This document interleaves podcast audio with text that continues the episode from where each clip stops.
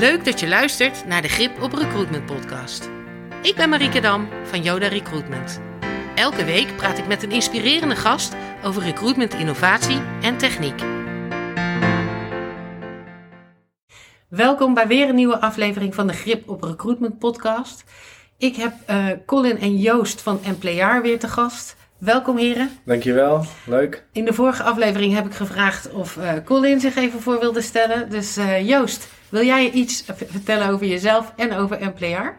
Uh, ja, nou, ik ben dus Joost. nou, Employar, daar hebben we het vorige keer natuurlijk over gehad. Maar in het kort helpen we klanten bij hun wervingsproces. Dus bij de recruitment marketing, bij de website en bij het hele proces ertussendoor. Om alles goed te meten. Uh, en over mezelf, ik kom oorspronkelijk uit de online marketing. Van oorsprong ben ik SEO-specialist. Uh, ik heb daar natuurlijk heel veel geleerd. Uh, en wij passen die kennis nu toe voor recruitment. Leuk. En wij gaan het in deze aflevering vooral hebben over de werken bij site. Ja.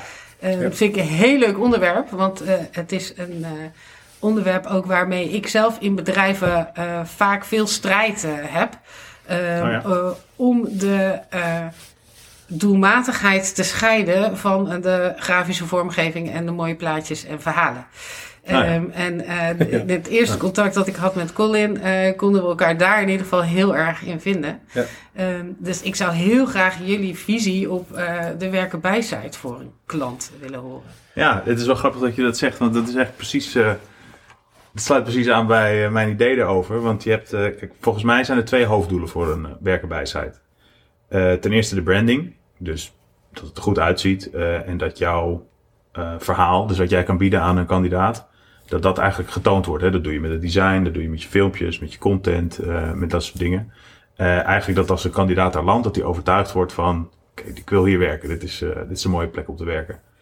Aan de andere kant heb je de, de functionaliteit, dus dat er ook echt mensen naar de site komen. Dat er dus ruimte is voor marketing en dat die kandidaten die op de site komen ook de juiste vacatures kunnen vinden die, waar ze naar op zoek zijn. Dat ze goed kunnen filteren. Dat ze altijd weten waar ze zitten in de site.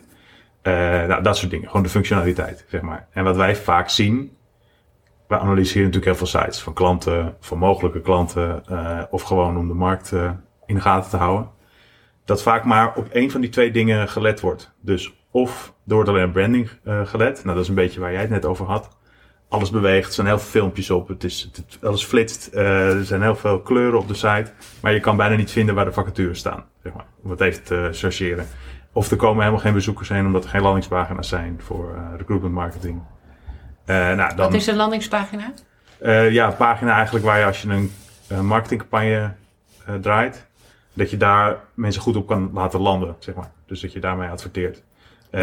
vaak is dat een, bijvoorbeeld een pagina over een bepaalde soort uh, vacatures, voor een bepaalde groep uh, banen, zeg maar.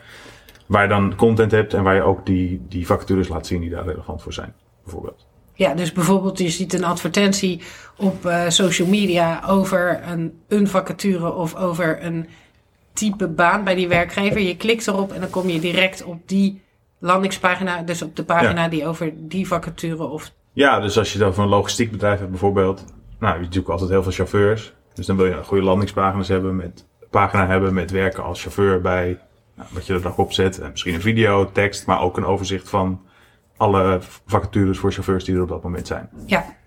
Dus in het design en in het maken van de site moet daar natuurlijk wel rekening mee gehouden zijn dat die pagina's bestaan en gemaakt kunnen worden. Ja. Dus dat is, uh, nou ja, dat is waar we het dus over hadden van een site die meer gericht is op branding. Hè? Dan mis je vaak dat soort dingen. Maar dan is het wel heel flashy en mooi. Maar je mist eigenlijk van uh, de mensen leiden naar het solliciteren. Naar het, uh, ja, naar, naar, naar het uh, makkelijk solliciteren, naar vinden wat ze zoeken. En dan heb je aan de andere kant de sites die juist heel praktisch zijn. Maar dat hele branding missen. Dus dan, nou, dan heb je gewoon een simpel template. Een lijst vacatures. Je kan makkelijk klikken, je kan makkelijk solliciteren. Het kan gemeten worden. Maar het is totaal niet inspirerend. Want de site nou ja, de site gebaseerd op een template kan je alleen de kleuren veranderen in het logo en misschien het lettertype. Ja. Nou, dus dan krijg je een site die mensen al duizend keer gezien hebben. Uh, waarom zouden ze dan bij jou solliciteren en niet op die andere site die ze ook open hebben staan tegelijkertijd? Dus uiteindelijk, je vroeg wat is onze visie erop? Uh, is je moet het dus allebei hebben. Je wil dat het een mooie site is en dat het inspireert. En dat uh, de kandidaat denkt van ja, hier wil ik werken. En dat je dus ook beelden daarvoor gebruikt. Zonder dat dat afleidt van de functionaliteit van de site. Dus dat mensen wel, ze moeten wel kunnen vinden waar ze kunnen solliciteren. En uh, zonder frustratie dat kunnen doen. Zeg maar. Ja. Misschien aanvulling. Je moet ook echt per vacaturegroep aparte flows maken. En die moet gewoon helemaal uitgeschreven worden. En, uh, en dat moet terugkomen in je website. Ja. Zodat je dus op, op, op vacaturetypes of doelgroep of iets dergelijks, dat je gewoon een eigen candidate journey kan maken voor die bepaalde functie of bepaalde groep. Ja, en doen jullie ook, uh, testen jullie ook in zo'n site? Wat, Tuurlijk. Ja? Ja. ja. jij zegt tuurlijk, maar ik, ik heb echt nou, veel werken bij sites uh, gezien en ook uh, uh, gezien hoe en met wie ze gemaakt werden. Maar ik heb dat nog niet heel veel gezien. Sowieso het doormeten van je werken bij site, dat is al een hele, hele uitdaging. Ja, het, het goed meten is eigenlijk ook een soort van testen. Want als jij dan ziet van nou, ik zie via een bepaald kanaal, zeg Google Ads, zeg maar wat. Heel veel mensen binnenkomen, die klikken allemaal op de vacature en vervolgens solliciteren ze niet. Nou, dan weet je dat daar tussen die twee punten ergens een probleem zit. Dus dan ben je eigenlijk al aan het testen. Ja. ja. Uh, dus dat is ook wel de eerste stap om het, om het goed te testen. En daarnaast kan je natuurlijk, als je nog wat verder gaat, kan je aan uh, AB-testen doen, verschillende versies laten zien. Heatmaps gebruiken. Ja. ja. Dus wat meer uh, CRO heet dat. ja. ja. Conversion Rate Optimization. Ja. Maar de basis is in elk geval dat je goed meet en dat je naar die data ook kijkt en kijkt van wat kan ik hiermee. Ja. ja, dus ook hier weer eerst een script of proces uitschrijven. En vervolgens uh, uh, die touchpoints van dat proces in je werken bij site doormeten om te kijken of het werkt zoals je wil dat het werkt. Ja, dat je, dat je dus elke stap kan meten. Dus dat je niet alleen weet van, oh, uh, zoveel mensen kwamen mijn site binnen en zoveel hebben er gesolliciteerd. Ja. ja. Want dan is het alles daartussen, dan weet je dus niet, als het ergens misgaat daartussen, of als het ergens beter kan, dan weet je niet waar. Ja. Dus je wil al die stappen wil je hebben. Ja. Uh, en ook als je een sollicitatieformulier hebt, wat bijvoorbeeld meerdere pagina's heeft, stel ik meestal niet voor. Omdat nee. Maar goed, het zou kunnen hè, als, als je heel specifieke ja. eisen hebt aan kandidaten en heel veel aanmeldingen binnenkrijgt. Dat je dus ook weet van, oké, okay, die heeft maar één pagina ingevuld en die twee, zeg maar. Dus ja. dat je elke stap in dat proces uh, meet. Ja, en ook uh, duidelijk maakt aan de uh, bezoeker van wat er hierna gaat gebeuren. En ja. als ik me nou heel even verplaats in een uh, gemiddelde recruiter binnen een bedrijf. Hè? Uh, nou, je hebt het geld losgekregen om een nieuwe werkbijpagina te laten maken. vervolgens ga je dat vaak samen doen met communicatie. Ja. soms met marketing, als er al een marketingafdeling in je, in je bedrijf is. Um, daar worden bepaalde keuzes gemaakt. Ja. Hè, die vaak op basis van gevoel of uh, uh, visie van hoe vanuit HR of recruitment hoe een bepaalde functiegroep eruit moet zien. Mm-hmm. Zou je nou vrij makkelijk ook daar in de test kunnen inbouwen met goh, hoe werkt, werkt het nou beter als we bij wijze van spreken, ik pak heel even de zorg, daar, als we een aparte pagina maken voor verpleegkundigen en een aparte pagina voor kwaliteitsverpleegkundigen? Of mm. moeten we één pagina maken voor alle verpleegkundigen bij elkaar? Ja, dat, nou ja, dat ligt denk ik aan twee dingen. Uh, ten eerste, hoeveel vacatures heb je? Bijvoorbeeld als je van een bepaald type verpleegkundige, nou, als je daar maar twee van hebt en misschien volgende week nul, dan heeft het natuurlijk geen, geen zin om daar een aparte pagina voor te maken, want dan is die straks leeg. Uh, en ten tweede kan je natuurlijk naar de zoekwoorden kijken, zoekvolume. Uh, dat, hier komt mijn SEO-achtergrond ja. ja. even terug. Uh, het is geen exacte wetenschap, maar je hebt tools waarin je gewoon kan zien van... oké, okay, zoveel keer per maand wordt er gemiddeld gezocht naar dit zoekwoord. Dus als je dan weet van... Uh, is hij kwaliteitsverpleegkundige? Ja, ja. ja daar wordt, een voorbeeld. Daar wordt 400 keer per maand naar gezocht. En naar verpleegkundige 2000, ik zeg maar wat. Ja. Nou, dan is het wel de moeite waard als je daar de vacatures voor hebt om daar aparte pagina's voor te maken. Maar als er niemand zoekt op kwaliteitsverpleegkundigen, en dan heeft het ook geen zin, dan moet je dat ook niet doen. Ja. ja in elk okay. geval niet vanuit het opzicht van marketing en mensen daar uh, heen ja. brengen. Nou, dat is wel al een goede die, uh, wat je zegt. Dus laat je niet leiden door je eigen visie uh, op, op de functiegroepen, maar ga kijken inderdaad naar de data die erachter ligt. Ja, en je kan natuurlijk alsnog wel, als je denkt van ja, maar dat is niet goed voor de gebruiksvriendelijkheid van mijn site. Je kan wel in je overzicht gewoon een filteroptie hebben voor kwaliteitsverpleegkundigen. Dat staat ook los van de pagina's die je maakt. Ja. Ja, en ehm, vanuit jouw SEO-achtergrond, hè, uh, Ja. is het nou hoe meer eh, eh, pagina's, hoe beter? nou, dat ligt, er, ligt wat erop staat op die pagina. Dus goede content is ook echt wel heel belangrijk. Ja, dat is eh, het, meest belangrijke. Ja, Ja. ja. Ja, tenminste, eh, in combinatie met dus de techniek. De techniek is SEO mag eigenlijk niet in de weg zitten. Is niet dat als jij de best mogelijke technieken hebt en je hebt eh, niet, geen goede content, dat je dan als hè, dat, dat, dat je dan goed vindbaar gaat worden. Maar het kan wel zijn dat je techniek ervoor zorgt dat ja, Google bepaalde pagina's niet kan, goed kan lezen. Of dat je site te langzaam is en dat je daardoor, eh, dat, dat je daardoor niet goed vindbaar wordt. Nou, dus dat, dat moet gewoon in orde zijn. Nou ja, gewoon. dat is ook al een stap. Eh, en, maar de content is het belangrijkste. Ja, en daarna heb je nog je links. En, eh nou, goed, ik zal er niet al te diep op ingaan. Nee, maar, Maar de content is wel het belangrijkste punt daarvan. Ja. Ja. wat ik daar eh, ingewikkeld aan vind, is je hebt natuurlijk een werkbijsite, maar je hebt ook gewoon een website over het bedrijf. Hè, dus een eigen bedrijfspagina. Mhm. Ehm, daar staat ook al ontzettend veel content. Ja. Ik snap dat het niet content is die een bedrijf laat zien als werkgever. Hè, dus dat het interessant is om dat te laten zien. Maar wat ik ook vaak zie op een werkenbijsite is dat er bijvoorbeeld heel veel tijd wordt besteed aan het maken van content. Eh, bijvoorbeeld over verschillende locaties waar eh, eh, bedrijf, bedrijfsunits zet- zitten van hetzelfde bedrijf. Of over eh, eh, afdelingen waar ook best wel veel over op de eigen website staat. Of op de, hoe noem Ja. je dat? Corporate De, site. de ja. corporate site. De hoofdwebsite, ja. Ja. Ja. Eh, hoe lus je dat in elkaar? Kan je dat in elkaar los- lussen? Waarom is het losgetrokken allereerst? dat zijn wel veel vragen tegelijk. Ja, eh. sorry. je kan het. Ja, we zaten net vanuit SEO-oogpunt te kijken. Kijk, dan moet je ook goed bedenken. Niet elke pagina hoeft goed te zijn voor SEO. Sommige onderwerpen, hè, daar zal niet op gezocht worden, maar heb je toch nodig op je site. Bijvoorbeeld eh, een pagina over een bepaalde locatie. Nou, misschien wordt daar niet naar gezocht, naar vacatures op die locaties. Maar je wilt toch laten zien van waar je, waar je kantoren zitten, bijvoorbeeld. Dus dat is op zich helemaal niet erg. En wat waren je andere vragen ook alweer?